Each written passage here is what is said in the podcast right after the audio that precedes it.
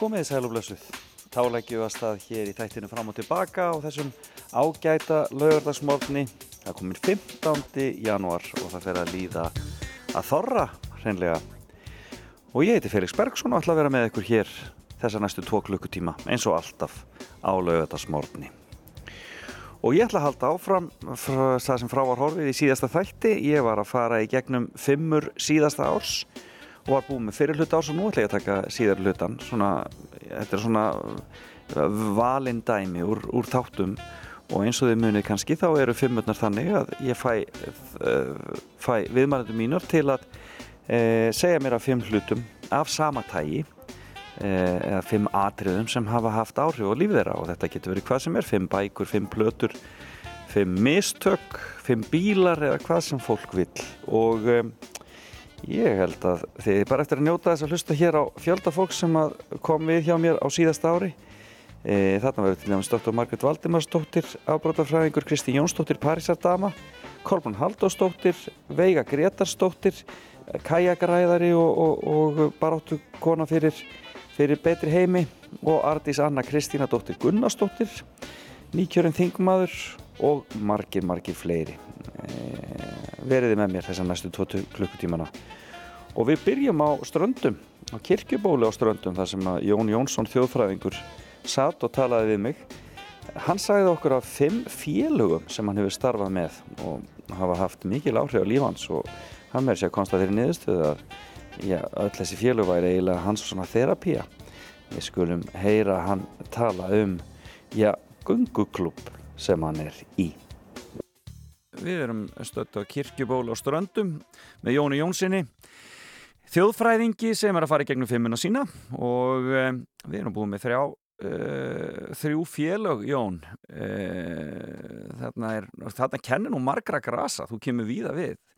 Það er leikfélag og félag þjóðfræðing og svo félag áhuga mann söðfjörsettur Uh, og ertu þarna á kafi líka í svo ég spyrði þið bara út í hérna galdrana ertu komin í galdrasetri þarna líka á fullt eða hvað? Já, ég tók þátt í því í upphafi þegar við komum því á laginnar og var, var nýjum myndavinnunni áður það var opnað og, og var svona einn af þeim sem voru á bakvið tjöldin í, í því verkefni í Já. upphafi. Sigurður Allarsson alltaf frontaði þetta svolítið Já, já, hann var, var framkvæmstur alveg frá upphafi og, og, hérna, og, stóð sér alveg feikilega vel. Nákvæmlega, já 2007, 2000, 2000 til 2007 þá var ég í stjórn sjálfsegnastofnundar sem rak strandagaldur mm sem, að rak, sem sér um galdrasýninguna. Já, og hætti þá að ég var menningafulltrú á vestfjörðum um nokkur árabil. Já, já. Og hérna síðan lést Siggi skyndilega 2019 og þá kom ég inn aftur í, og er núna stjórnarformaður strandagaldurs og er að stýra einhver uppbyggingu þar aftur Einmitt. núna. En það gengur, hefur gengið príðilega og það stoppa allir.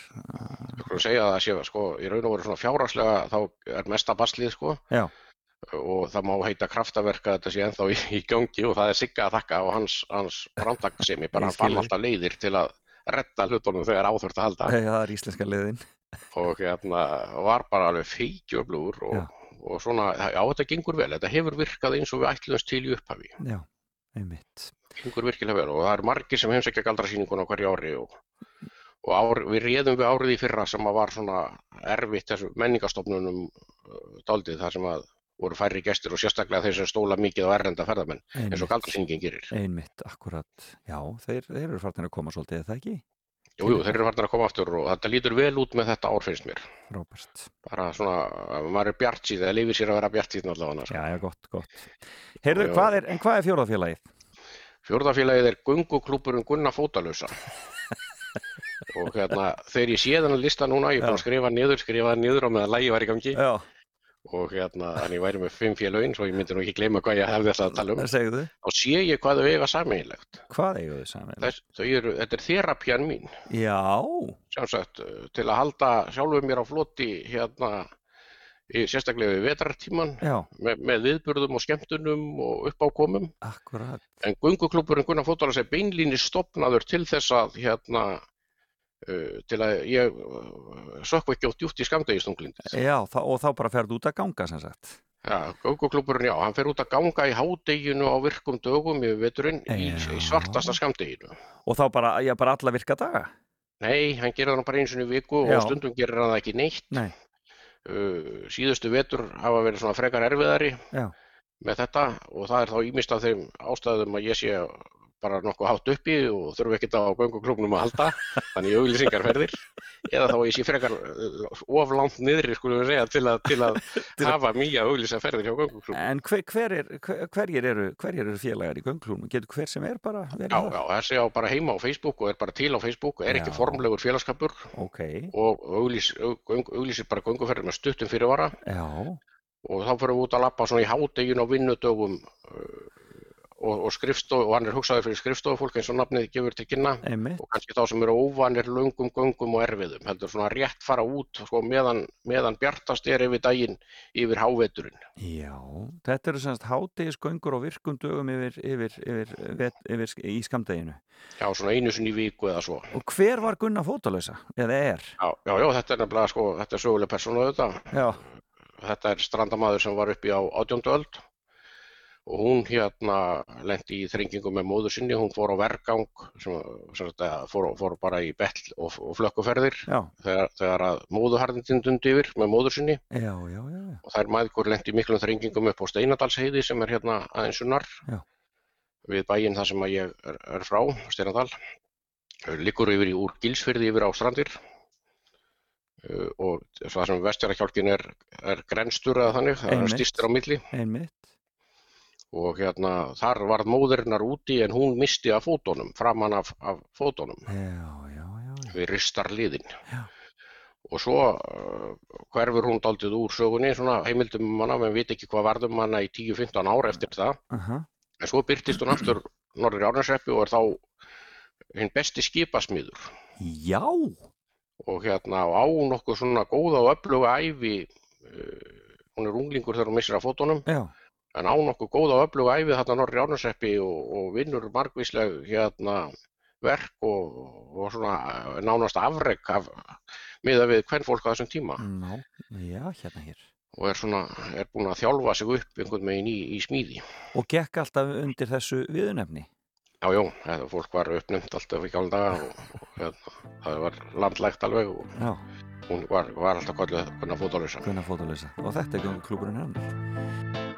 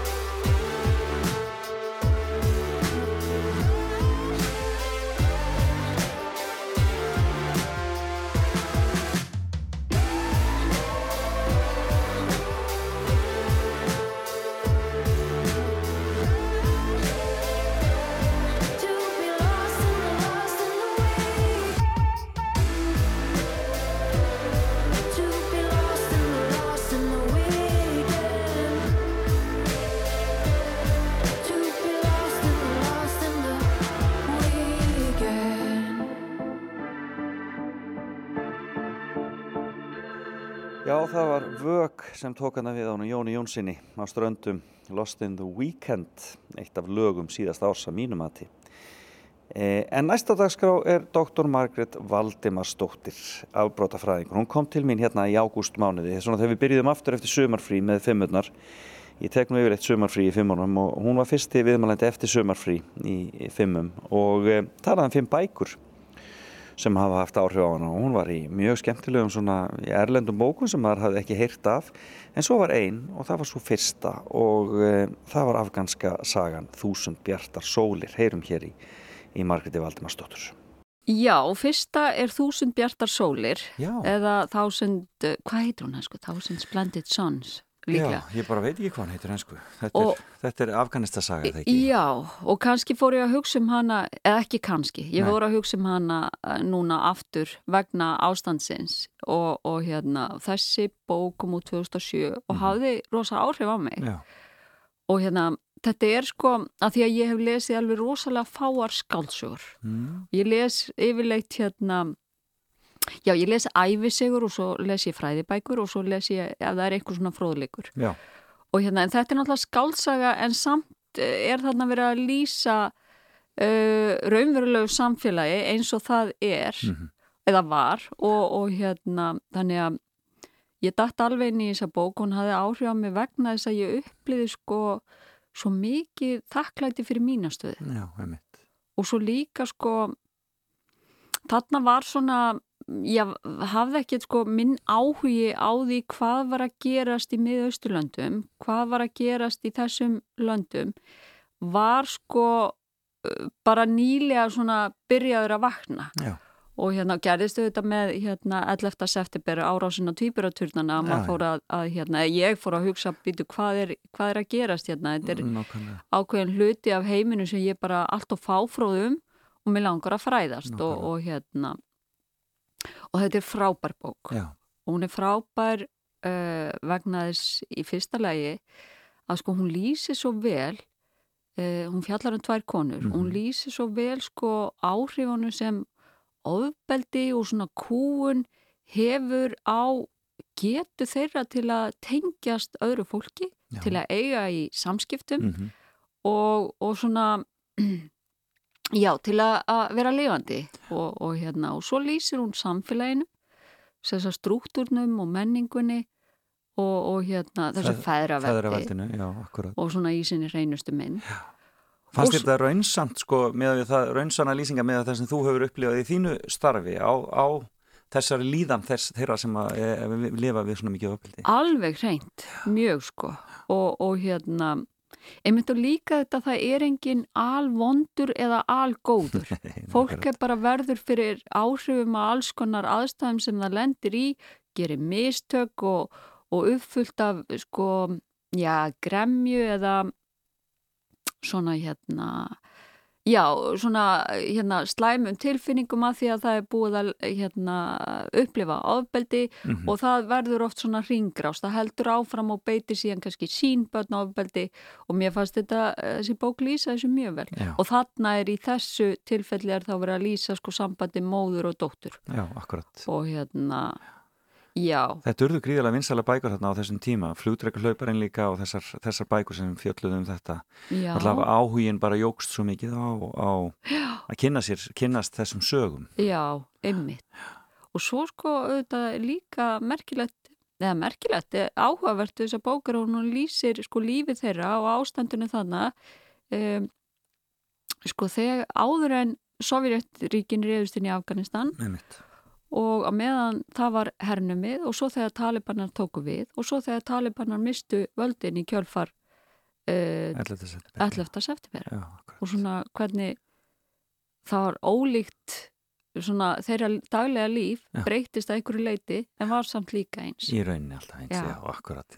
Svona, já, þetta er áhugavert sko, um, fræðimaðurinn í þér lítur að horfa aðeins til Afganistan núna þegar þú ert að horfa á þetta gerast. Þetta er náttúrulega næstu svona eins og, mm hann er stuð eins og svona glæpa gengi taki yfir samfélagi einhvern veginn. Það er svolítið, svoleiðis, þetta er svona eins og gengi taki yfir einhvern veginn Já, með ofbeldi. já en svo sko er þetta líka er þetta líka svo mikil pólitík og er þetta líka já. svo flókið og Já. svo líka svo margir hagsmunir, alls, þú veist, ekki bara hagsmunir í Afganistan, heldur um heim allan nákvæmlega og maður er einhvern veginn að hafa, reyna að hafa skoðun á því hvað hefði til dæmis verið best fyrir bandaríkjaman og bætin að gera. Uh, og, og svo er maður líka á sama tíma svo hérna vanmáttur gagvart í að þetta er flókið. Já, já, akkurat. Bandaríkjamenn búinir að vera í 20 ár áttu að vera í 21, 22 þú veist, hversu, hvað er réttur tími og, nákvæmlega. Þetta er svona eins og við séum að upplifa okkar Saigon svolítið svona hérna uh, í Víðnastriðinu. já, Það er bara allir að, að flóta eins og þeir mögulega, mögulega geta. já, Mjög áhugavert. Þú ert að hlusta á Fram og Tilbaka á Rástföð. Já, þetta var doktor Margret Valdimarsdóttir, afbrótafræðingur, gaman að tala við hana og ég get sagt ykkur það að ef að þið viljið heyra þessi viðtöl í heilsinni þá er hægt að fara inn á uh, hlaðvarpsveitur eða podcast og finna þessi, þessa þætti þar fram og tilbaka og þar eru allar þessar fimmur og það er orðið ótrúlegt magnaf skemmtilegum viðtölum sem þar er að finna. Gaman að taka með sér til dæmis í göngutúrin eða hjólatúrin eh, eða, já, eða fjallgönguna.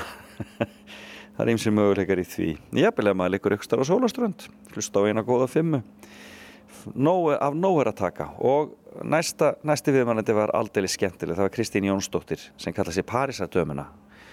Hún er búin að búa í París lengi en hún talaði um fimm leikrit sem að hafa haft áhrif á lífennar og e, við grípum niður í þriðja verki en fyrst heyrum við hvernig hún kynntist einmannum og það tengdist námennar í kvikmyndafræðum. Ég ætlaði að búa til bíómyndir. Já, já, já. Síðan bara einhvern veginn fannst mér þessi heimur kvikmyndana þegar ég byrjaði að vinna í honum fannst mér hann svo leiðilegur og það var allir að tala illum alla Já, og það þurfti svo mikið að hugsa um peninga. Að, að þá, ég náttúrulega læriði sko að klippa filmur með skærum og líma með límbandi. Já, það voru enga tölfur ennþá þetta var að byrja. Veist, það var komið, komin bara. í auglýsingabransan en Já. ekki inn í kvikmyndabransan fyrir aðeins setna og frakkarnir eru örgulega dálítið konservatífir þegar ekki Já. vera svona íhjaldsamir í þessu. Já, þetta var eiginlega sacrilege að láta ykkur að tölfur gera Nákvæmlega, hlutina já, akkurat. Mm. Helgi Þannig að Spjöll. já. En en En hvar læriður þau samt? uh, Hvar? Já, Í, hvar? þetta er svona lítill engaskóli í Paris sem heitir ESSEC, þetta var svona diplomunám Já, já, já, já, á þeim tíma. Já. Frábært. Tökja ára minni mig Já. En naust þess eða hvað? Eða? Já, já, það var rosa gaman, já, ennþá vini úr bæði skólanum og kringum hann og maðurinn minn kemur sem sagt óbeint inn í, hann, ég hefði aldrei kynst honum ef ég hefði ekki farið inn á skóla Býtuð, segðu þá sögu.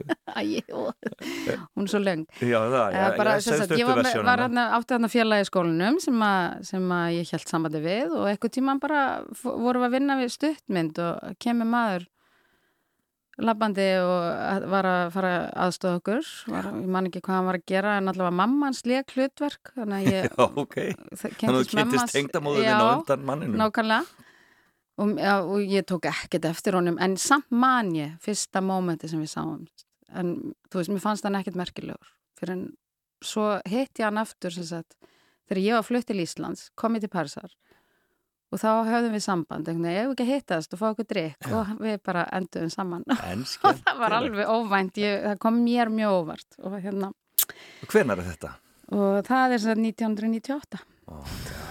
Og Ég reyndi, ekki... ég reyndi að flytja til Íslands, ég bjó á Íslandi þarna 96, 7, 8, Já. 9 en fór þá um þetta í BA nám í fransku að því að það var sagt um mig að ég, ef ég gæti ekki fengið neina vinnu, ég væri ekki með BA Akkurat, akkurat. Það gengi allt út á það. Mm. Hvað heitir maður þinn? Hann heitir Arnaud Arnó. Arnaud Genevois og bara, já, Og, og resti sýstori eins og maðurinn sagði. Já, bara við- áskæra, áskæra eilira. við löfum saman og bara æðislegt Frábært. Heyrðu þriðja leiksýning, en við tökum einhver smá pásu. Já, þriðarleiksýningin er einmitt franskt verk sem Já. ég hef séð bæði á fransku og íslensku. Hvað Það hefur heitir það? alla verið sín tvisar á Íslandi og ég held ég hafi séð báðar uppsetningarnar. Það er hérna Ah eða listaverkið. Já, já, já. já. Ó, hún er svo skemmtileg. Það, er, franskt verk. það er franskt verk og eftir konu Já, já, en já, leikandunir eru þrýr karlar. Einmitt, akkurat. Og fjallar Tríó, er eini. þetta er fullkomi verk fyrir svona þrjá flotta kalla. Þeir hafa Nákvæmlega. leikið þannig Yngvar og Hilmar og Arnar Jóns og Einmitt. Allavega. En þe- þeir voru, þeir, himmi, balti og yngvar leikur þetta fyrst og mörgum þótt þeir daldið ungir upprunlu uppsetningunni hérna heima. Já, ertu vissum að þeirra vil ekki að var ekki mitt Arnar og ekkur fyrst og síðan þeir sett síðar ég er ekki viss, er kannski er ég að ruggla kannski dreymdi mig hitt Það getur verið, það er dreymt eitt. Ég man ekki eftir Arnar Jónsinu í, í, í listaverkinu. Nei, ok, kannski er ég að ruggla En það getur hafa komið síðar. En, það, en, en, en hvað heitir hún höfundurinn? Jasmina Reza Alveg rétt að resa, Jasmina Reza, mjög góð, mjög flott já. Alltaf að skrifa já. og um daginn rakst ég á sagt, minningar um þetta verk að því að við, við sátum þrjár vinkonur að drekka rauðvín og tala um hvað okkur langaði eitthvað, við vorum eitthvað að tala um sagt, hérna svona home improvement, ég veit ekkert hvernig ég var að segja þetta á Já, já, íslensku. svona- na, Já, svona, Og- já, umbætur á heimilinu. og vinkona mín segir já, ó, svo langar mér svo í svona verk sem er hvítt. Já, og svo er ljóð hvítt með, málað á það með hvítum stöfum og ég bara, ég kapnaði úr hlátri. Já. Veist, hafði hún þá ég aldrei séð bara- listaverkið, aldrei séð þessa Nei, hún hafði nefnilega kannaðist ekki við verkið. Þetta er stórkostlegt. hún hafði séð svona hjá einhverjum, í einhverjum svona þætti eða eitthvað. Nú getið þið byrjað, Og- að- gáttuð þið byrjað að ræða eðli ég, listarinnar. Já, ég pissaði á mig annar sko, Þetta er við borðið. ég, sko, ég, ég hlæ ennþá þegar ég byrja að hugsa um þetta. Við hlóðum svo mikið. Gátum ekki að hlæja. Þetta er en, og þá fór ég að hugsa aftur um þetta verk og þá fór ég að hugsa um að Jasmína skrifar verkið fyrir ykkur að þrjá kalla. Hefði hún kannski lagt í að láta þetta vera konur í dag? Og þá fór ég að pæli, ætli maður gæti setta upp með konum Mynd, hverju myndi það breyta og ég er búin að vera að leita sér þetta að verkinu en ég, þetta, var bara, þetta var bara að gerast núna í vor þannig að ég er ekki búin að finna ennþá til að lesa og pæli í því hvort það Briljant hugmynd. Hver, hver myndi það breyta ykkur ef það konur, er þetta bara einhvern veginn svona þrjár verur sem að þú veist, er að leita að einhver svona tilgang í lífinu og eitthvað, Já, já, tilgangi viss. listarinnar, tilgangi listarinnar einhvern veginn. Já. Þetta er mjög áhugaverð, þetta er rosalega skemmtilegt verk alveg frábært. alveg svona hnittið og skemmtilegt og örgulega rosalega vel þýtt á íslensku allavega ég man ekkert hver það var Nei, ég fletti því ekkert upp Nei, nei, nei stórkuslega. Ég, Mm. ég sá þetta í, ég sá held ég ekki síningunni þeim, ég sá hana í London. Með frábæran leikur, það er einmitt svona típi svona vestend algjör Já, sko. þetta er, þetta er svona fullkomi verk svona stjörnu eitthvað Heyrðu, tökum okkur smá pásu. Þú baðst um tónlist með Belleville, Já, nema hvað? það er eftirlætis hljómsveitin mín Já, íslensk. íslensk og eh, minn og Ásta vinkona mín og fleiri með hana, alveg frábært fólk. og ég valdi L'amour, l'alcool et l'accordienne. Ah, fullkomið. Það ekki? Þetta var svona næstuði hjá mig. Það var mjög vel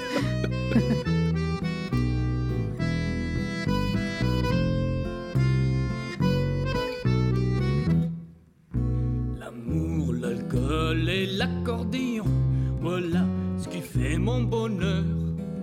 Et ce depuis que j'étais poupon, et tant que battra mon cœur. Mais le jour du jugement dernier, j'espère que le grand Manitou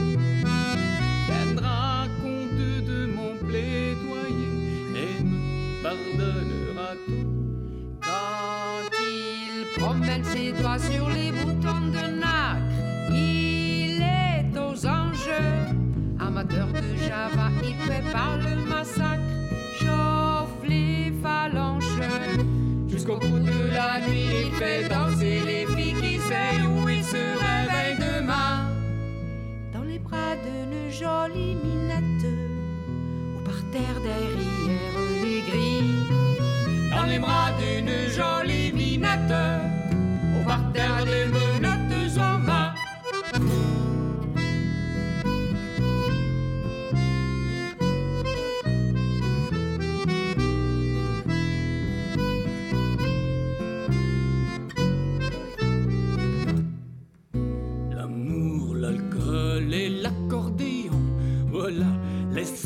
mon être. Et tant que j'écrirai des chansons, j'arriverai à me dépaître. Mais le jour du jugement dernier, Manitou. Viendra compte de mon plaidoyer et me pardonnera tout. Quand ils rincent la dalle avec le petit Amateur de la goutte, il ne demande qu'à Dieu la joie des vendanges. Jusqu'au bout de la nuit et fait boire les filles qui saignent où ils se réveillent demain. Dans les bras d'une jolie minette, au parterre derrière les grilles. Dans les bras d'une jolie minette, au parterre les menottes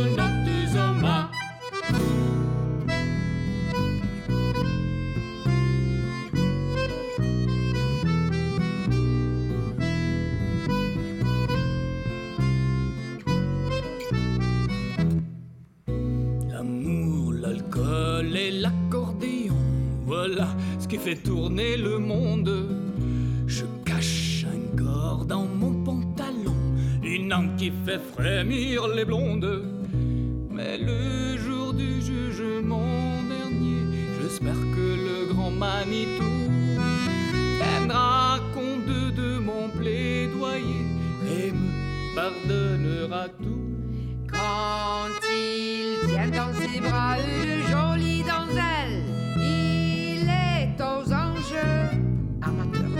sexe, il s'applique avec zèle et se la mange. Jusqu'au bout de la nuit, il fait tomber les filles qui saignent où ils se réveillent demain. Dans les bras d'une jolie minette, au parterre derrière les grilles. Dans les bras d'une jolie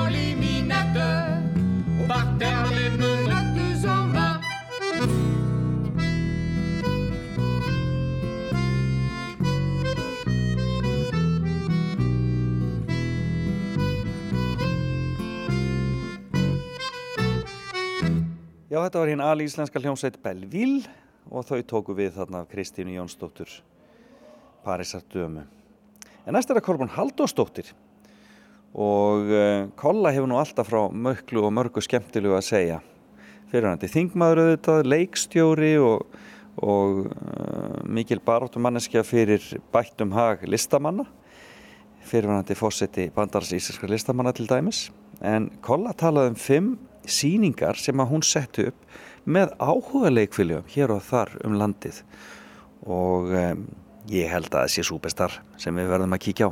Hver er svo fyrsta sem þú vilt nefna? Já, sko, þetta, eh, náttúrulega fyrir utan Oklahoma, ég, eh, ég skildi hann eftir, Já. en svona eh, eina af þessum stóru sem ég gerði líka snemma á ferlinum var Superstar Já. og hana vann ég með leikfélaginu í Freyvangi eh, sem var hérna, hér, þá hétt það leikfélag Ungulstaðarreps, Já, mjög búið að leggja Ungulstaðarrep niður. Já. Já, svona maður, maður er nefndur. Þetta er alveg Erum við erum komin þangað En það var semst, en þið, þið gerðu sérstakka, þið gerðu nýja þýðingu á verkinu. Já, það var nefnilega svo merkilegt og það er svo gaman finnst mér að, að hérna, segja frá því að áhuga leikfélagin e, hafa verið og eru svo mikill máttastólpi menningar út um land Já, og hafa kannski ekki alveg notið sannmælis. En þarna vorum við sagt með alveg einvala lið og það var hann, hérna, Hannes Blandon, sér Hannes Blandon sem var þarna prímusmótor í leikfélaginu og hann bara tók það að sér að þýða verkið frá A til Ö upp og nýtt. Það er nú engin smá vinna. Nei, og ég meina hann er náttúrulega algjör snillingur, hann er náttúrulega svona rýmari af Guðsnáð Já, og gerði þetta svo vel að þessi þýðing var síðan notuð áfram í atvinnuleikusi já. þegar að, að þetta var næst sett upp. En hún hétt hjá ykkur Messias Manssonur, mann ég, Já, að það ekki, og það var náttúrulega svolítið presturinn. sem vildi það. Já, en ég meina eftir á hyggja finnst mér það líka svolítið djart Já, og gott. Já, já. Jesus Christ Superstar var í raun og veru yfirtitillin en, en, en rock-óperan Messias Mannssonur. Einmitt. Af því hann, Hannes var náttúrulega líka og er svo mikill íslenskum maður. og það var eh, svo fall, þetta er svo fallið þýðing og það er svo gaman að hafa þátt í að, að hún var gerð. Og hvernig var þessi síning síðan? Þetta var nú alveg ótrúlega hlægileg, skal ég segja þér. Eh, Það var verið þetta hlægileg útgáðan en Jesus Christ Superstar. Nei, þetta var mjög alvarlegt sko. og sko við komum þannig ég og Jón Ólásson uh, að hausti til og en sýningin átti ekki að fara upp fyrir nú vorið Mhm. og við fórum bara og, og leituðum upp í fólk, þetta er auðvitað gríðarlega mannmörg sýning Nákvæmlega. og við fórum þarna og, og, og stundum karaoke barina og, reyndum að finna ung fólk sem gætt sungið. Já, það var bara svo leiðis. Já, já, og við fundum, eins og ég segi, gátum manna sýninguna með mjög hæfileikaríku fólki. Já. Uh, mér nægi bara að nefna, uh, sko, uh, svo sem söng Marju Magdalenu, var hún Hulda, hérna, Garðarsdóttir, Huldabjörg Garðarsdóttir, sem er nú bara eina af okkar betri óperusöngunum í dag. Uh, Sigurður Ingimarsson sem leik Júdas, hann er nú búin að vera að syngja alla tíð síðan. Uh, Kristján hérna uh, Ingimarsson sem er sko frægur leikari út um allan heimorðin. Hann, hann hann var einn af lærisveinunum, Já, hann var einmitt. Og minna, þetta kveikti bara bakterínu hjá honum. Nákvæmlega. og ég er enn að hitta fólk sem segir við mig sko, bara um daginn hitti ég mann sem sagði já, við kolla höfum nú verið saman lengi, það er nú henn að kenna ég er í þessum geira. Skapandi geira og, og þetta var svo maður sem vinnur í, mikið í kvikmyndageranum og hann sagði ég byrjaði bara sem maður með spjót í Superstar við Eyjafjörð Hjá leikfélagi öngustar. Já, en svo, svo fer fólk svona, þetta er plattform fyrir fólk inn í þennan geira, skapandi greinar, listur og skapandi greinar. Nákvæmlega. En skemmtilegt. Já, ég man eftir þessu sýningu. Er, er, það var sem var svo fyndi ég að segja þegar við byrjuðum. Já. Ég sagði við hérna þá sem ég valdi sýninguna að þeir mætti hvorki skerða hársittni skegg alla meturinn. Og svo var náttúrulega á Akureyri var farið að sjá þess að villimenn öðru hvoru út um í- hyrst og hér í bænum. Nákvæmlega. Og þá voru það villimennirnir sem ætlaði að fara að leika í Súberstar hjá Kolbrúnu inn í Eyjafjörða, inn í hérna fyrir. Hvert sinn sem ég lít á þig er skilið þig fæ Að þú skildir geta kastað öllu á klæ Þú var svo lítir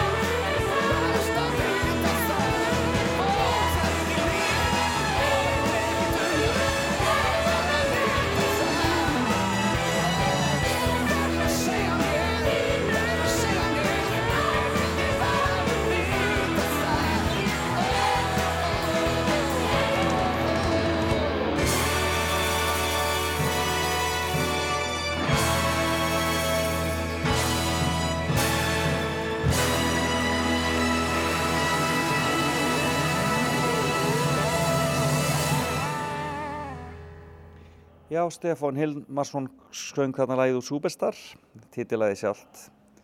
E, en e, þetta var nú að vísu ekki úr síningunni sem Kolla Halldórs sett upp fyrir norðan í eigafyrðinum, heldur síningu sem kom síðar í borgarleikusinu, en vel var lagið flutt þarna af Steppa.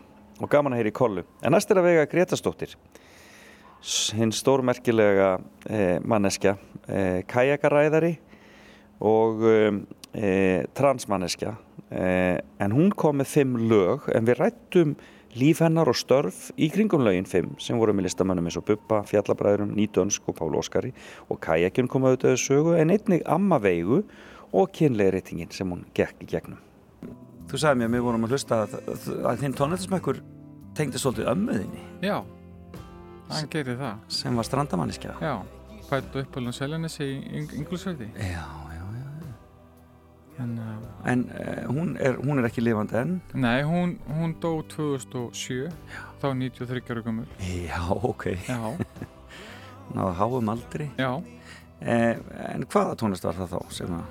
Hefði hún hlustaði mest á Cohen, Bubba Mortens, til dæmis, Megas, henni fannst Megas alveg aðeinslegt skáld. Ég, það er, Rolling Stones og Meatloaf, Smokey, Abba. En skemmtilegt. Og áttuði náðið samband þá þú að? Já, já, ég fór til hennar mjög ofta veturnar, bara gist í hann um helgum. Já, já, og, hvar þá? Bjón, bjón þá einu á Ísafjörði? Já, hún bjóði bænum, við byggum inn í Holtakvarfi, þannig að ég fór oft mjög til hennar á ofta helgum. Já. Og fór oft eftir skóla hjálpin að móka og vestla fyrir henni matinn og svona þjóðan, sem það síðustu árin. Þannig að þú hefur verið svona, þú ert afsennst, þá hún hefur verið þér mikil fyrirmynd. Já, já og eins fór að sko amma mín og afi í Búlingavík fóð mikið þangað sem ég krakki okay. skak og svoleiðis. Já, já, þannig að ert, það, þau eru þaðan sem sagt. Já. Já, já, þannig að þú ert svona frá frá þessum höfustöðum hann Já, afi var endar norskur. Já, já, ok. Kom, þú... til, kom til landsins á stríðsvörðinu Já. Þá að flýja nazistana eða?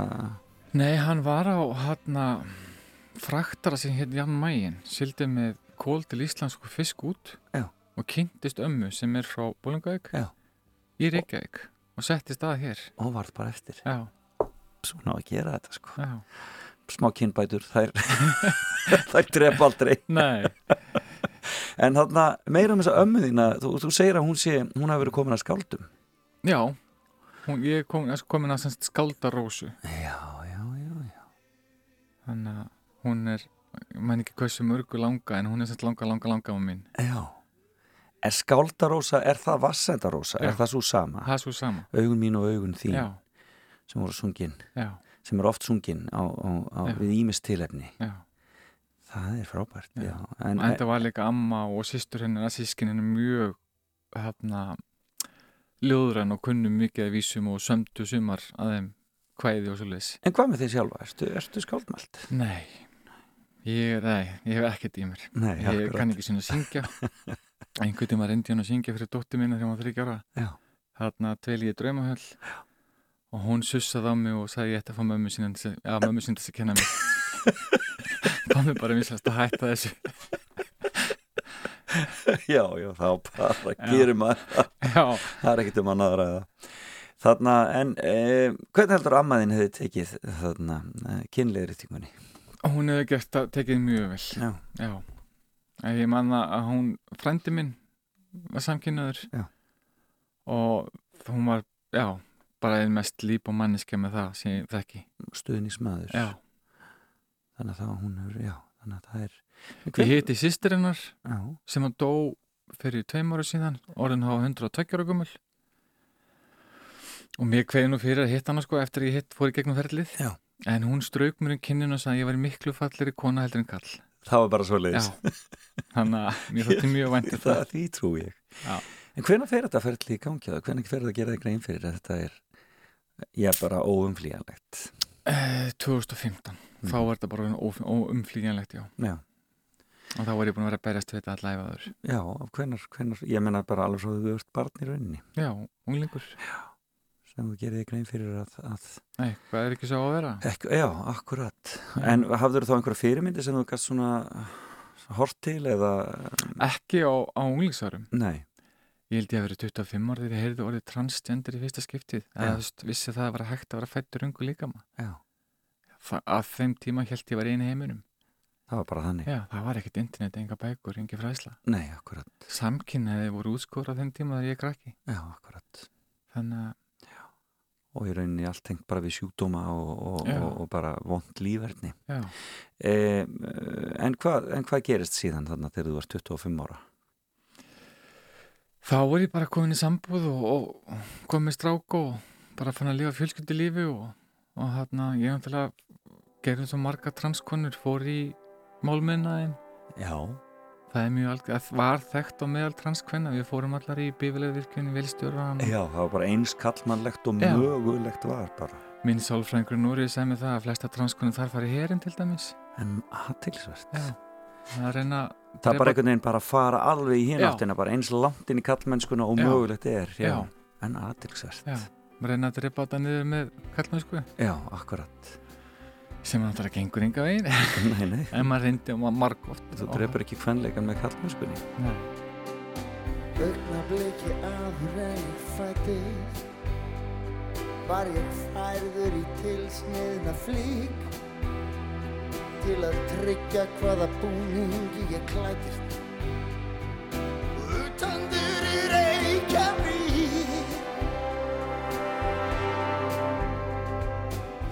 Augnabliki áður en ég fættist Var mér fært í hendur þétt skrifað blað.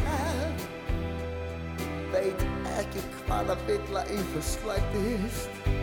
Sem að færði til minn ákveðna stæl en allu er á raunguna snúi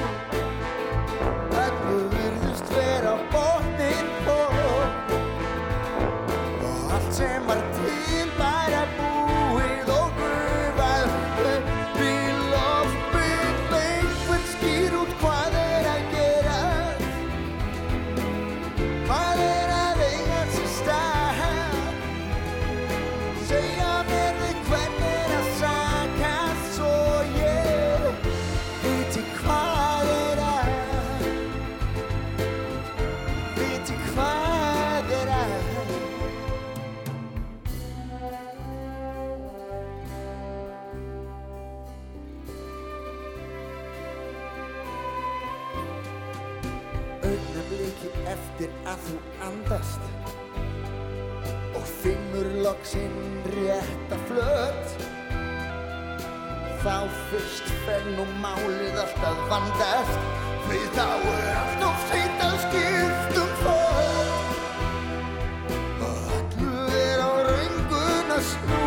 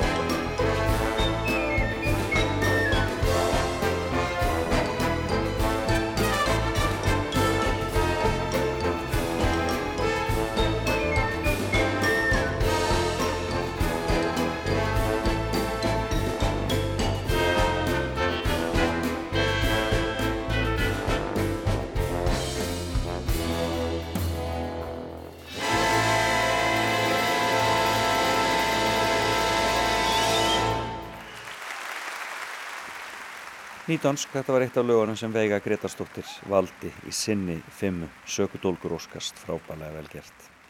En síðasta uh, tóndæmi uh, fyrir nýju fréttir er Anna er Arndís Anna, Kristína dóttir Gunnarsdóttir, lögfræðingur og nýkjörinn þingmaður Pírata. En hún talaði um fimm staði og eh, er eftir nokkra bíða. Við skulum bara heyra hana tala um síðasta staðin sem hún vildi nefna og eh, já, og fólki sem þar býr. Heyrðu fymti staðurinn? Fymti staðurinn Frakland. Já, hvar í Og- Fraklandi? Ég bjó í Strasbourg. Það er nú sérstök borg, eða ekki? Það er mjög sérstök borg. Það er heimili mannreitnda Dómstórs Európu Æmi. til dæmis. En líka bara gríðarlega falleg borg. Uh, hún er sem sagt allur miðbærin sem að afmarkast af svona síki, mér finnst þetta svo ljótt orð, síki. Mhm. Já. Þetta er svona, þetta er kanal, Já, veist. já, akkurat. Ég sé alltaf áinn að því mér finnst það bara fallera. Uh, og allur miðbærin er UNESCO sagt, bara friða, hún er bara friðið. Já. Og hún er svo falleg og maður sér það mitt sko... Hún er líka svolítið þýsk, er það ekki? Jú, þetta er hluti af Alsace Já. sem hefur til skiptis í gegnum söguna tilheyr Þískaland og Fraklandi og, og þarna er tölu, þess að svona eldra fólk talar dialekt sem heitir bara Alsacian Já. sem er hljómar í, eins og þíska og er svona, ég held alltaf að það væri þýsku skotin franska en það er meira öfugt sko. Já, og það var gaman að fylgjast með því til dæmis að fyrstu jóli mín þann úti þá var Ísland, er alltaf jólamarkaður hérna á hverju ári sem er algjör upplifun. Bara ef þið viljið upplifa jólin eins og einhverjum jólabíómyndum þá bara farið til Strasburgar í aðdraðanda jóla. markaði. þetta er svo dásamlegt sko. Og þá, þess að fyrstu jóli mín þá vildi ég svo til að Ísland var gestaland, var, hafði verið sérstaklega búðið og þannig að ég var að hugsa um eitt þarna bás fyrir hérna eitt íslenskt fyrirtæki tók það bara mér, ég bjóð þarna og, og frökkunum fannst það svo skríti þau þessu, ha, hvert þú á jólamarkanum ég sagði, ég, ég er að sjá með eitt svona bás og hvert að gera ég sagði, ég er selja servietur og kerti og eitthvað en ertu ekki lögfræðingur? og ég bara ha? Jú. Jú, hvað kemur það málnu? að sko, það var stein, það var rosa skrítið Já, sko. ég skildi vera bara eitthvað að selja kert og servietur en það var indislegt, það var líka svo gaman að kynnast og þá kom oftar en einu sinni uh, kannski uh, eldri kona og, og svona 20 árum yngri kona. Og fyrir mér, þegar ég hlusta á þær ég, þarna var ég ekki búin að læra fransku það var eins og önnur þeirra að vera að tala fransku hinn var að tala makk. og þær töluðu saman. Þá voru að var eldri að tala Alsacian og þá dóttirinn sennilega, tala fransku móti þannig að þau skil, skildu hvort annað. Eða sikkert tungumáli sko. þannig að það er vissulega mikið um matar, matar menningir anda líka svolítið það er svona, svona hérna, bacon og Og þú er ekki getað að hugsa þér að vera þarna áfram bara? ég hef alveg getað að hugsa með það Já. ég elska Strasbourg þó að ég hef ekki bondað mjög vel í frakkana Nei, hvað var það í frakkana? Uh, sko, fransk menning er hérna, það náttúrulega, ég ætla náttúrulega, er kannski veljins að tala með einstaklinga, það er Nei. náttúrulega rundatekningar öllu Auðvitað, já. og heil þjóði náttúrulega ekki, ekki öll eins, en svona menningin er ekki mjög velkoming. Feðraveldið mjög stærst í Fraklandi. Mjög stert og það er rosalega mikil stjættaskipting og svona, bara stjætt, bara sko, svona valdaskipting og Ég- þetta er svona, já, mjög hýrargerað samfélag Já. og öll samskipti, ég stundu líst í þannig, öll samskipti, jafnvel bara orðið að kaupa eitthvað í bakarínu, eru svona valdabarata Nákvæmlega. Og sko þú þarft að beigja þig undir þann sem hefur valdi það Segja hérna- bonjour. ef þú segir ekki, sko bara byrja á að ef þú segir ekki bonjour þá getur þú glemt að fá nokkar Ef etikettan er ekki rétt þá bara fer allt í höng sko. Já, og hún þarf líka vera sko rétt í samræmi við Já. valdastöðuna ef að manneskjan sem þú ert að tala við hefur eitthvað sem að þú vilt fá það er mjög áhugavert að fylgjast með þessu þá þarf þú að algjörlega beigja þig niður og bara í rauninni vera eins og, eins og þjóttn og þræll og, og hérna alveg. Á meðan hún getur komið fram við því að því sem að við myndum kalla vanveringu Já, þó þú sért að þéra það er öskrað á mann þérandi. Það er ekkit kurtist sérstaklega mínum að Nei. Og hérna þannig að það, það, þetta, er svona, þetta er svolítið erfiður kúltúr sérstaklega komið þegar maður er frá Íslandi sem allir er alltaf jafnir og við erum ekkert að bæla ykkur svona góðan daginn Nákvæmlega, okay, sko, já, eða takk eða, Bara heyrðu. Bara heyrðu. Með sko í bóðhætti og ertu með salt, áttu salt handa mér? Já, og svo mér er gaman að segja útlendingu frá því þegar spyrja hvernig segir please? á íslensku. Ég segi við segjum það nú eiginlega ekki en við erum með eitt please sem er hérna gerðu það sem er eiginlega bóðháttur og þýðir sko do it. Það er okkar please. Er þú okkar ert að segja það með röddu. Já, en það er bara, það er samt mjög Það er samt. En þetta er, ég er aðeins upplifinu sko, maður hefur verið að fara til Fraklands að þau sé í ákveðnum vandræðum, ég var að lesa aðeins svona franska skáldsögur og slíkt og það er eins og það sé svona, það, einmitt þessi stjætskipting og þessi, það er svona eins og samfélagi sé komið í, í doltið í daldið öngstræti eitthvað neginn og þessi gríðalegu mótmæli, þessi gríðalega reyði og... Ég held að hafa bara verið svona svolítið lengi. Já. Ég rakst á hérna auðlýsingaskilti hérna sem að lísti svo mikið fyrir mér bara eftir að við búin að vera nokkra vikur. Þá var þess að það var auðlýsing fyrir einhverju fjármálafyrirtæki. Já. Myndin er af manni sem er svona tvískipt og, og hárgræslan á hann vörumegin er eins og frá átjóndra eitthvað á hinum megin í dag Já. og undirstendur á fransku á 200 árum hefur allt breyst nema gildin okkar. Akkurat. Ég hugsaði með mér og, og þetta er eitthvað sem þið er að stæri ykkur af. Haldið því að það sé jákvæmt. Akkurat, 200 árum hefur Já, að þannig að þetta halda fast í svona og sko þetta og ég myndi þessi reyð og þessi mótmæli, þú veist, þegar tala um mótmæli og alltaf allir rosa sjokkar er þegar það er mótmæli þá er ég bara eitthvað, vá, æ, þú veist þau á vinnustöðum þau í verkvall bara því að, ég veit ekki að því að þau vilja fá fimm Kaffivélin myndir lengri. Já, akkurat. og þetta er svona þeirra góð-túlaust en hún er svolítið vegna þess að öll mál eru list með einhverju svona valda baráttu Já, akkurat. einhverju svona, einhverju svona stríði sko. og að því það er ekki það er ekki svo hjá okkur sko þetta samtal og að finna lausnir sko, þau eru meira fyrir það að flækja hlutin og búti vandamálin og svona en hérna, þetta er samt uh, mér þykir samt væntum frækland Écoutez-moi, moi la chanteuse à demi. Parlez de moi, vos amours, à vos amis. Parlez-leur de cette fille aux yeux noirs et de son rêve fou. Moi, ce que je veux, c'est écrire des histoires qui arrivent jusqu'à vous. C'est tout. Voilà, voilà, voilà, voilà qui je suis. Me voilà, même si, mise à nu, j'ai peur. Oui, me voilà dans le bruit et dans le silence. Regardez-moi, ou du moins ce qu'il en reste.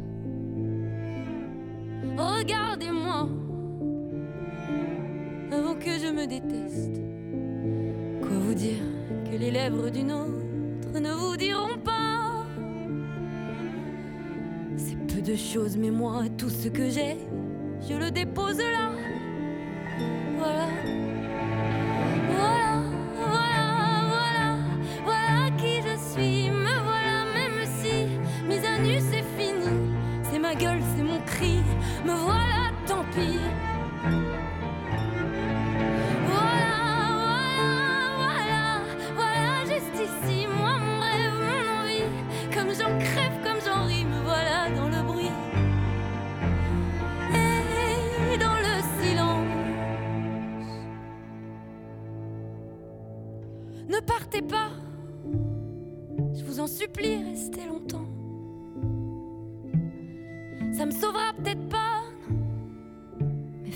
je sais pas comment.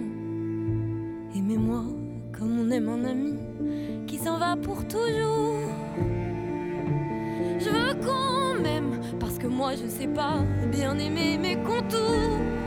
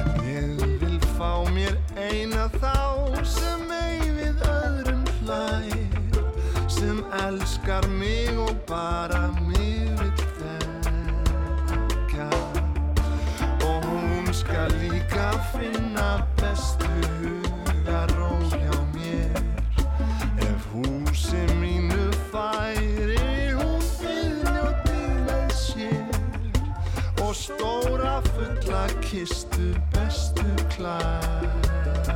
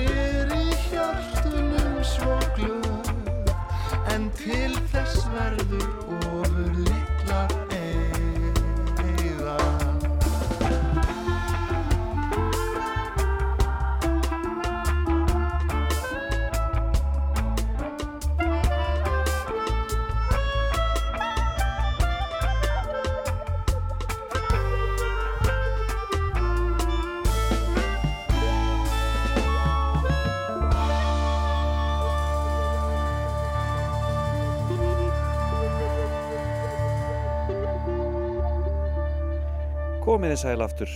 Þá leggjum við aftur á stað hér í fram og tilbaka af loknum nýju fréttonum og það voru hjálmar sem hófi leik hjá okkur eftir nýju og þið frábæra ég vil fá mér kærustu. Og um, þetta er auðvitað lag úr uh, gömlu leikverki. Er það ekki bara hreinlega æfintýr á hreinlega, held ég og það leiður okkur inn í fyrsta brot úr fimmu sem við ætlum að hlusta á og ég endur tek enn á nýja ef þið viljið heyra þessar fimmur í heilsinni og þessi viðtöl sem að ég tók, hef verið að taka undarfærin ár við fólk, þá er hægt að finna það allt saman á podcasti. Og um, en já, ég sagði leikús og fyrsta fimmann eftir nýju og það er Þórun Sigurðardóttir. Leikona, leikstjóri og svo uh, framkvæmtastjóri og listrætt stjórnandi ímiskonar og kennari en hún talaði um fimm manneskjur sem að, uh, eru farnar en hafa haft mikil áhrif á hana og fyrstu manneskjöldum tvær voru Bríði Tíðinsdóttir fyrst og svo Sigriður Hagalín en svo snýr hún sér að köllunum Þú vil tala um Gísla Haldarsson. Já, blessa, blessa sér minning hans Já. Gísli náttúrulega var kennari minn Já. í leiklistaskólanum. Já, í leiklistaskólanum og hann náttúrulega og samleikari hjá leikfélagi Já. En um, fyrst og fremst sko kynnist ég honum eh, sem kennara. Hann var mjög strangur Já, og ímislegt sko sem að tilheyrði þessum tíma, um, hans tíma sem að maður kannski myndi ekki endur taka í dag Mhm. sem var öðruvísi en, en hann hann let sig miklu varða okkar svona heill nefnendana og hugsaði mikið um okkar og hann gæt verið rosalega strangu við okkur Já. og harður já.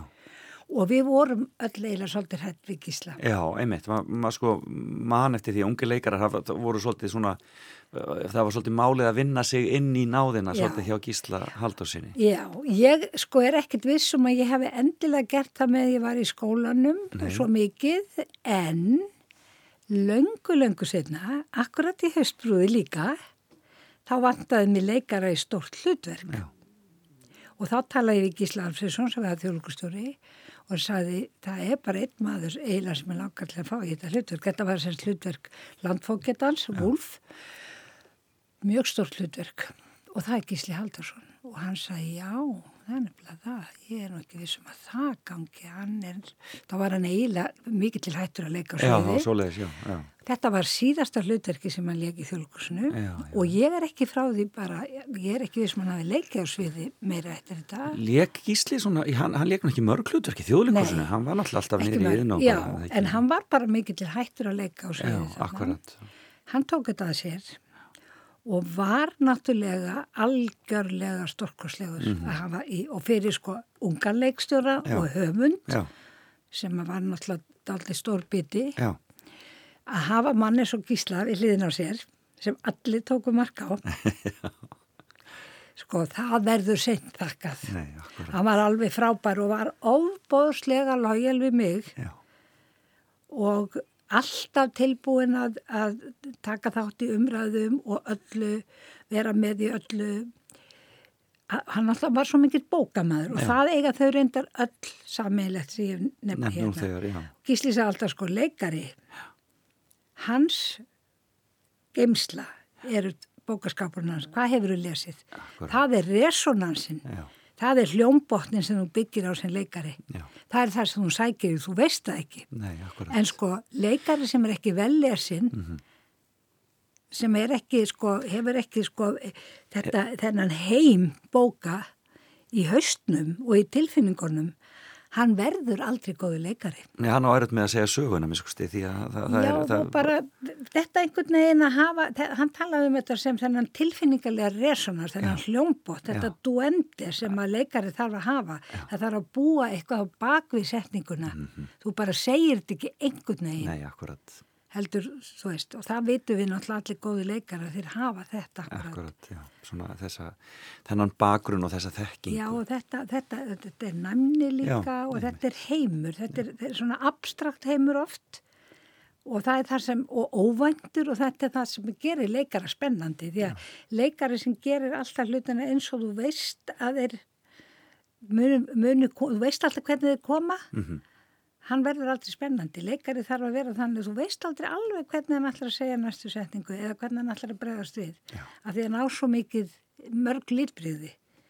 Þetta var Gísli og eins og ég segi, hann var, hann var og hann, Gísli deyr svo, hann er án 70 rúmlega þegar hann deyr. Já, en, En þetta er, og það er tíu, svona cirka tíu árum eftir þetta. akkurat en, En- það, og hann náttúrulega, minn, fólk minnist hans í dag helst fyrir kvikmyndirnar og kvikmyndirnar náttúrulega bera, bera hróður hans ennþá Það gera það, en að sumuleiti og mörguleiti var nautar sem vel í kvikmyndum, en ekki, en svo var hann alltaf svo mikil gamanleikari. Já, einmitt Mannst þetta Daríu Fó?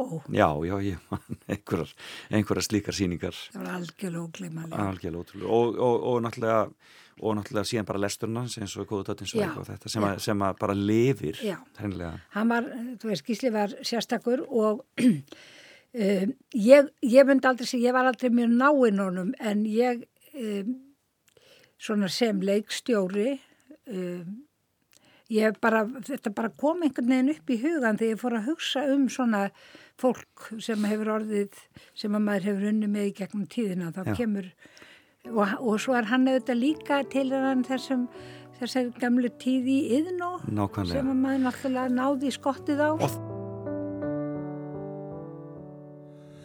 núna þegar við vitum allt. Og vindurinn fréttinnar ber. Til okkar og öllum er orðið kallt Og bænir okkar brotna sem gler Örug í vökunni við sváfum sátt. Sólríki dagar fullir af vær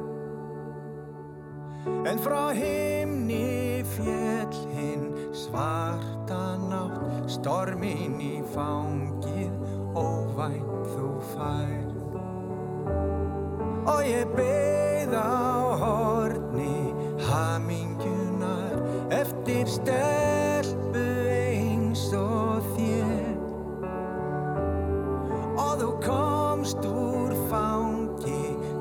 sorgarinnar beint í fangið á mér. Orð mín villast enga finna leið. Það er sárt en þannig er það. Sumir segja leiðin sé alltaf greið. En enda svo á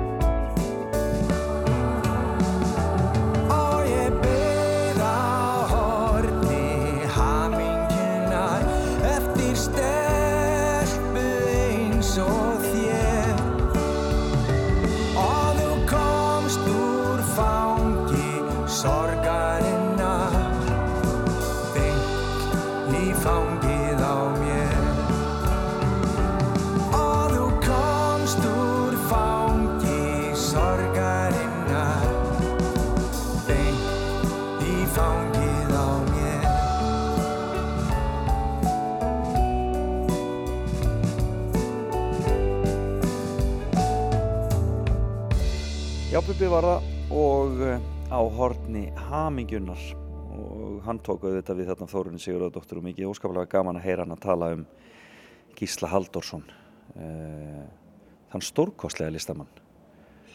Og um, það getur verið að hann hafi verið sterkastur á sviði en það er óskaplega gaman að uh, þessar kvikmyndir með hann í aðalhuturki séu til kvikmyndir eins og börn náttúrunar hann eh, eh, lifir þar svo sannarlega.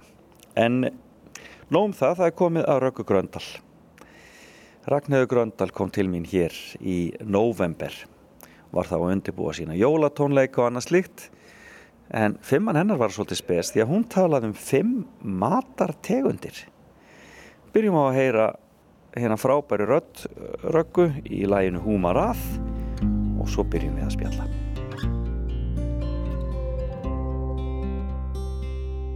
dag eftir dag dreyja að mér anda þinn anda að mér dag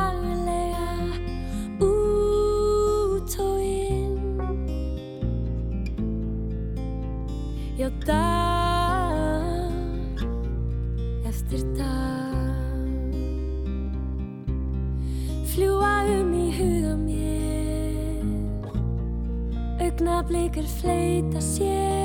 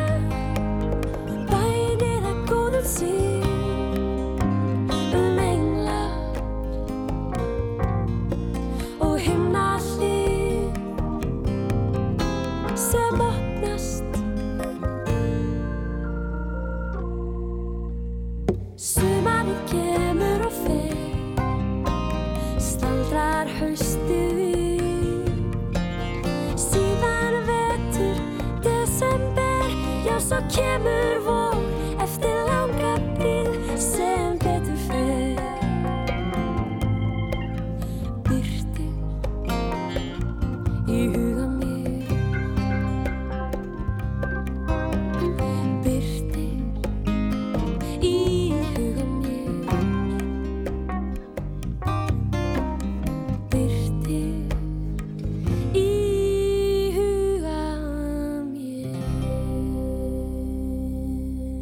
Já, hér söng Ragnhjóð Gröndal.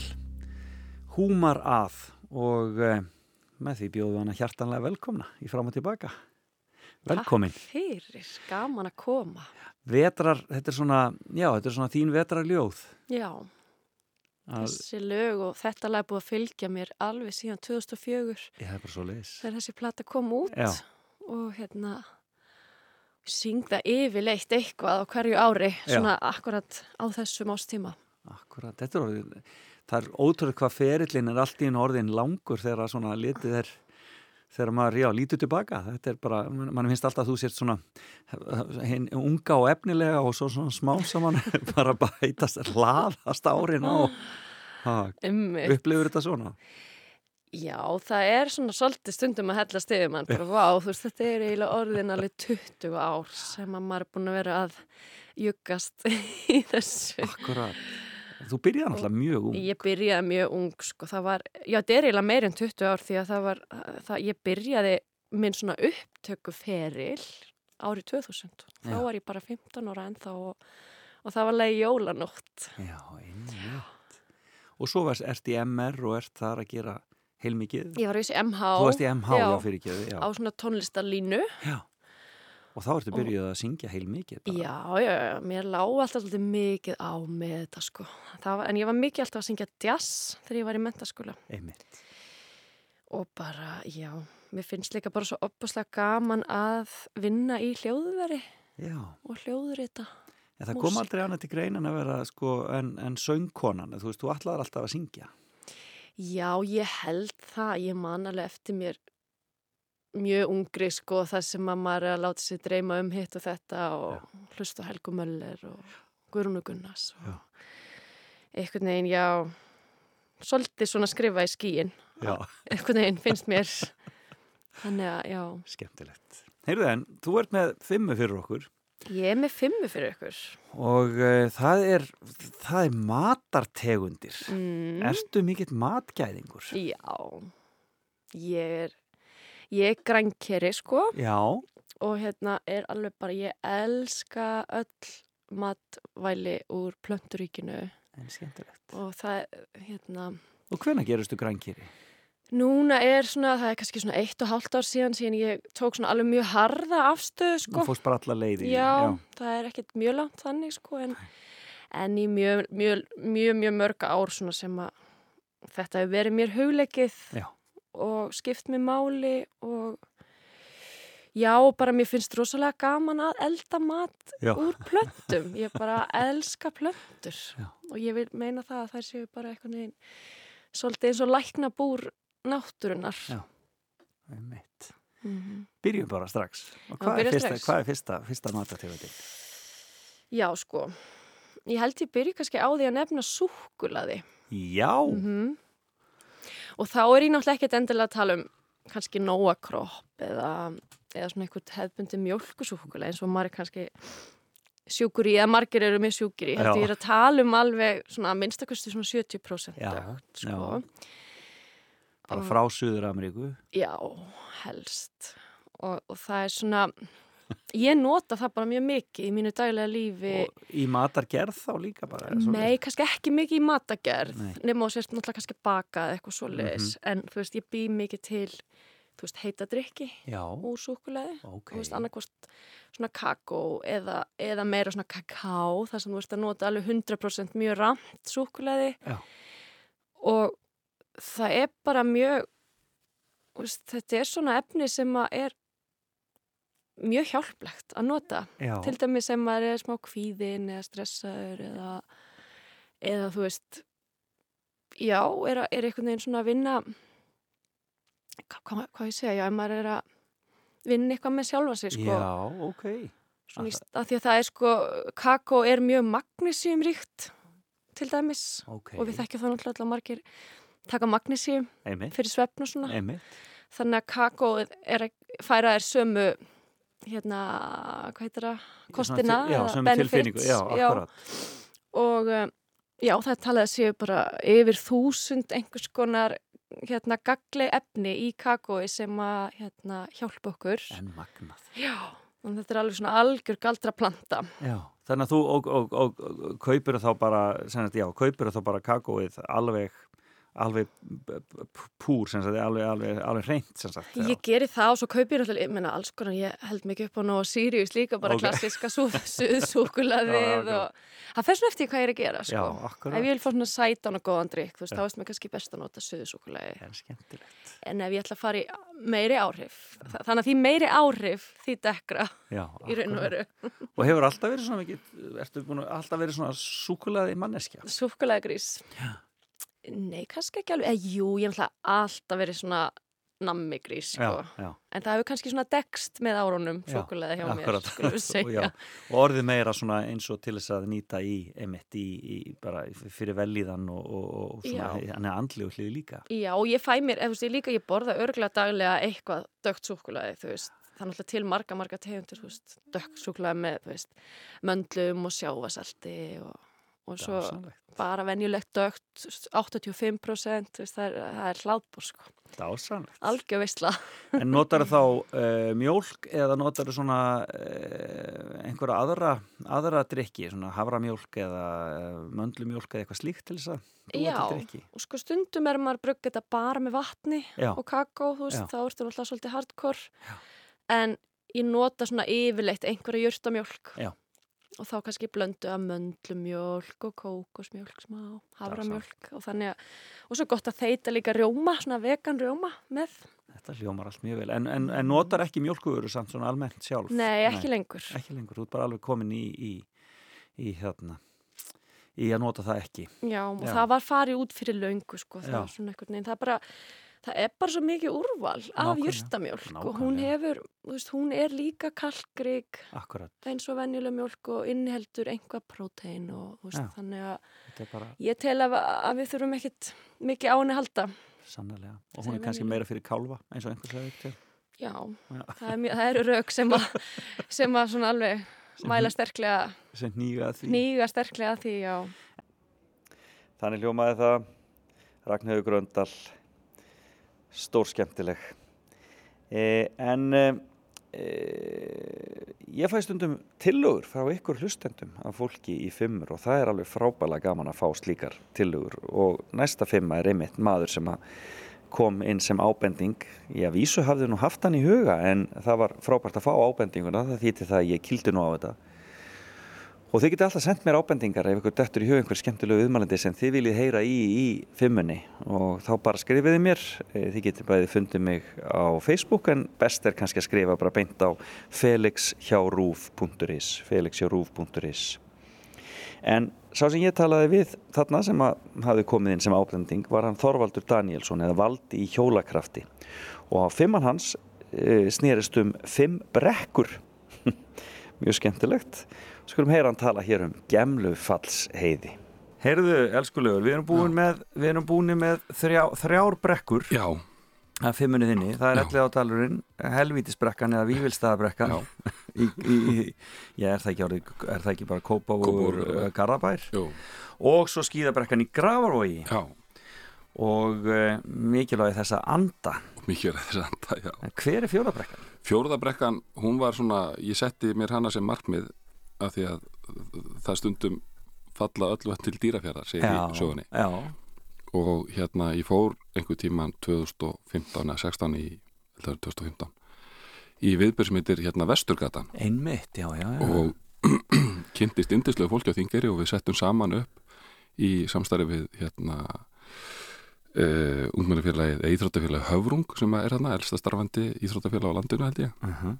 og settum við upp hjólá og, og hérna þannig kom að það nokkur sinnum og, og tók oft þátt í vestugutinni ég aldrei keft í vestugutinni, ég bara tekið þátt í henni indislegt en ég setti mig mark með því að þegar maður kemur til þingara kom til þingara frá Ísafirði þá fór maður yfir Gemlufalls uh, heiðina kemur nýra bæ sem heitir Gemlufall sem var það neðst í, í þeirri brekku. Og ég ákvað það að hjóla sérst frá þingari yfir á flateri yfir Gemlufallsheiði um tíðan Já, já, og það gerði ég í, í sko, mýgandi rigningu og, og svona minna spennandi en fór á Kaffi Sól hann sem er ekkit langt frá flateri Mm. og fekk mér þar alls konar, alls konar mat. En ég man það líka bara það var hérna, ég hafði í huga þar á leiðinni hérna orð frá einum sem að hjólum, ég múin læra svo mikið af þessum krökku sem að vera hjólum það var eitt stráku sem sagði um tíðan við okkur uh, þá vorum við að fara út og það var, það var svo fyrsta hálka haustsins, þú veist og engin kon á nagla og ég var svona ættu að fara, ættu kannski bara að fara í lapputúra að vera bara inn og spjalla saman og gera eitthvað sko. Akkurat. Horfður hann á mig og segir svona gamli, drýjum okkur. Þetta fyrir aldrei verið nýtla þannig að hérna þannig að í þessari rigningu og þóku sem var hann fyrir vestan Já. þá ákvað ég að láta hann draumrætast og hjólaði það nefur og ég man að, að fyrir mig var það að þessi, þessi vestfirsku þessar vestfirsku heiðar þær eru ótrúlega sjarmirandi Já, akkurat En þarna var bara vaðandi umferð og ekkit skikni Nei, akkurat Og ég hugsa bara, þú veist, já, þetta fer aldrei verið nýtla Þannig að hérna, já, rétt að ræta Og svo það, og hjólar breytt þá eða Já, hvað? hjólar breytt Gerur það stundum? Já, ég gera það. Ég hef reyndar, sko, það hefur dreifur hjólur núna síðast ára, það er slitnað hjá mér hásinn á, á vinstri fæti fyrir og ég er ennþá svolítið að díla við uh, eftirkostina því og það hefur gert mér erfitt fyrir. Það kom alls konar tögaverkir og vesen sem, að- sem að ég átti ekki alveg vona á. En mér hefur, þetta hefur verið rosalega svona góð uh, afslöpun. Já. Ég veit ekki hvort fólk tengir við það, en að fara ekkert út og hjóla og gleyma sér bara. Já. Að því þú þegar þú ert að hjóla, þá gerur ekkert annað Í raunin ekki, nei, akkurat Erstu þá með tónlist í eyrum eða svoleiðis? Nei, ekki neitt Nei, sinni. ég var það á sín tíma en þú veist, og ég held að í öðru eiranu en nei, ég vil heyra þú veist. Það er gríðarlega, þetta er gríðarlega mikil þetta ve- ve- vekum manni mikla vel í þann Já, hefur, góðan hefur þú hjólað til hans kvalfjörðin? Nei, Nei, aldrei. nú ætlum ég að segja þér alveg lendamál Fuglarnir, þú það eru fuglar í kvalfjörði sko, Nei, sem að nákvæmlega. menn jafnvel gerir sér ekki grein fyrir get- og það heyrist í það. beljurnar baula og það er í alvörunni skítalikt þegar, það er verið að bera skít á túninu og þá, þá finnur hana. Og það eru lækir og, og fossar hana sem enginn held ég hafi séð sko nema þeir sem hjólaði nefn Nei, akkurat, að því maður flýtir sér svo ógulega framhjá. Já, já, Því, það er- þú veist, er, það er svo mikið til af En það eru margir sem óttast þetta að hjóla á þjóðvegunum og svoleiði sko, sem að eru, þú veist, að maður hefur ákveðin, ber ákveðin kvíðbúa fyrir því sko. algjörlega og skiljanlega. Það er, það er uh, við erum, sko, ég, nú er ég þú veist, hjólandi, ég er gangandi ég er, hef bæði gert fólksbíla og rútur og allt saman á þessum vegum. já. Og það er einhvern veginn ekki gert ráð fyrir því að það séu hjólriðar á, á þjóðvegi eitt eða á þessum vegum sko, án þess að vilja kannski að dæma þjóðina alla ofhart, sko, Já. þá erum við svolítið föst í því að, þú veist bara ég á þetta og ég má þetta Já, þú veist, ég er komin á bílinn, ég má bara hérna þú átt ekki að vera á mínu vegi, sko En það er magna til dæmis að setja í rút út á spáni og fara út á flugvöld eftir hjólaferð á spáni þegar maður áttar sig á því að rútan er nána stopp af því það eru eldri hjón að hjóla á, þú veist, í kantinum og, og bílstjórnum fer ekki fram úr af því hann sér bíl framöndan. Nákvæmlega, já. Já. Þá, Hann bara, þá, það stoppa, ekki, þá stoppar hann bara hann á strútuna á, á göttunni, þetta er magnað. Og það er ekkert eitthvað svona að hann sé eitthvað svona, þú veist, hvað er þetta fólk að gera hér og eitthvað þvælast fyrir mér, hann bara slakar og þegar tími gefst til og færi gefst á, þá er hann bara farin. Nákvæmlega, þetta veist. tefur mann kannski um 20 sekund Valla, skilur Og ekki einu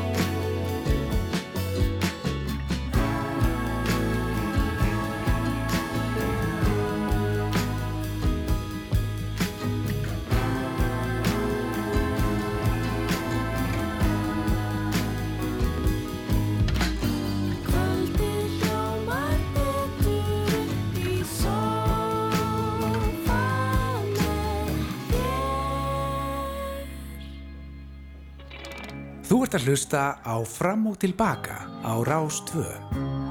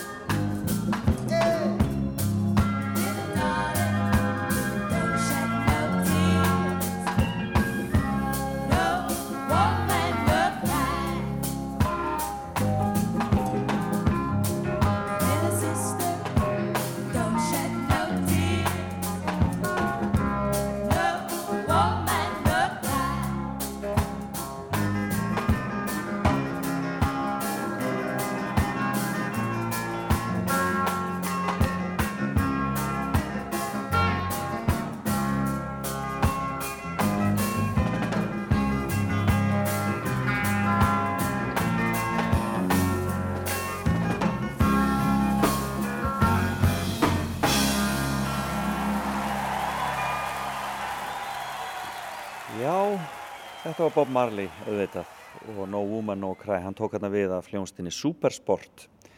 En svo hljómsið tengist auðvitað Þorvaldi Danielsinni því að eh, sonur hans er þar í brotti fylkingar.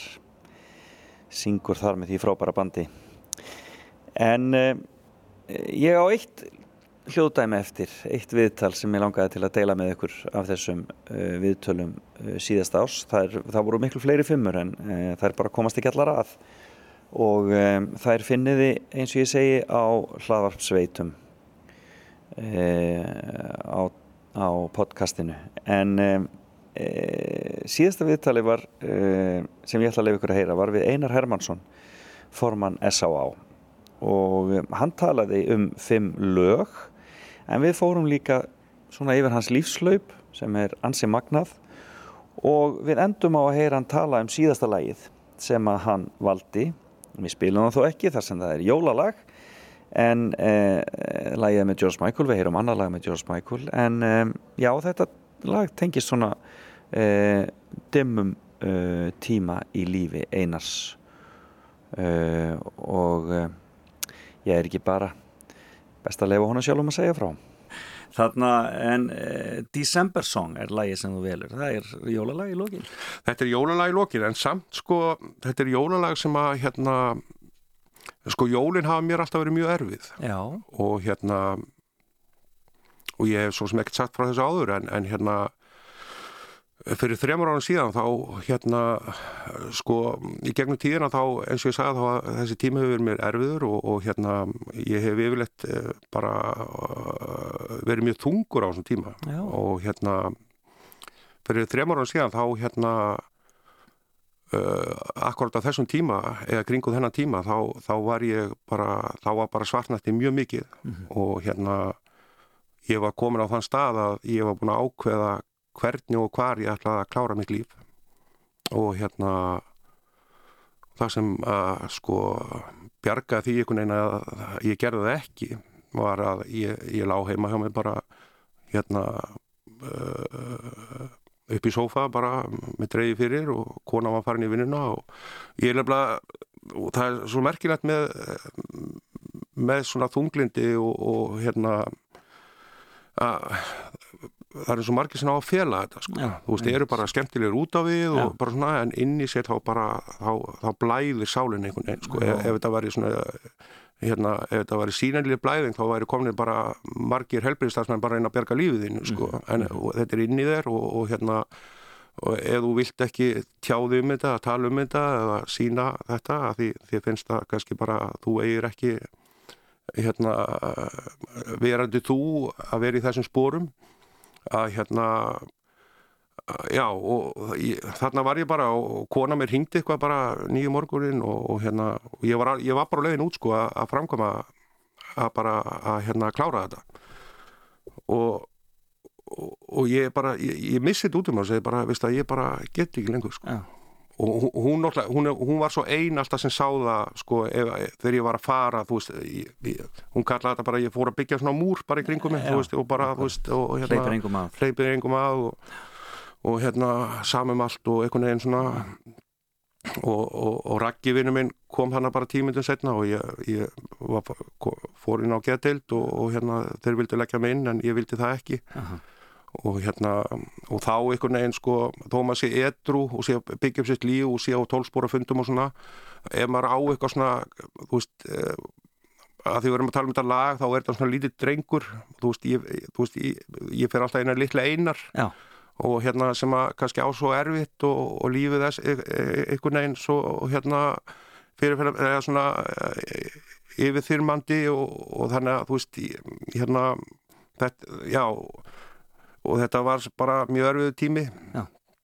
og hérna en sem betur fer þá hérna tók ég leiðsögn og, og, og hérna tóka þessu máli og, og fyrir þremur árum þangað til í dag sko þá náttúrulega er ég bara allt annað maður og, og, og ástæðan fyrir ég kannski að segja frá þessu núna er, er bara veist, grímur og, og híðan umstæð sem hafa verið hann í geðhjátt, þeir hafa gert svo gríðala hérna svona bara opna þessa umræðu og, og tala um þetta og, Og það er hægt að sækja sér hjálp. Og það er hægt að sækja sér hjálp, guðminn álmáttugur og hérna, og ef ykkur hérna úti er, þú veist, ég veit að það eru margi sem að bara, þú veist, þi, þi, þetta eru erfiðu tími. Já, og hvíða valdandi fyrir mörg. Já, já, en þú veist, með faglegri hjálp og góðu vinum, mm -hmm. þegar Raggi vinum minn kemur heim til mín þannig að morgun, þá var bara nóg að hann sagði eina, viðstu að ég bara er hérna fyrir þig, sko. Þú veist, við þurfum ekki meira, sko. Mm -hmm. Og hérna en, en þetta er bara eins og ég segi þetta er svona bara, þetta var erfiðu tími en, en hérna sem betur þú veist þetta var búið að fylgja mér í mörg mörg ár. Ég tók á þessu og hérna er bara miklu betur í dag sko. Já, gott að heyra, gott að heyra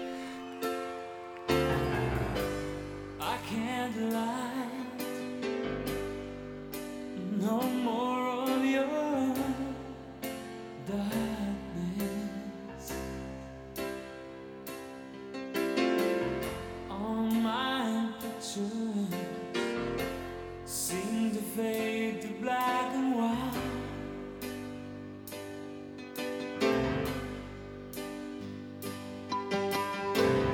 It's much too late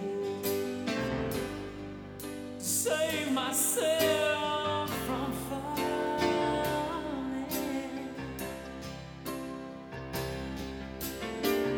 I took a chance and chased you away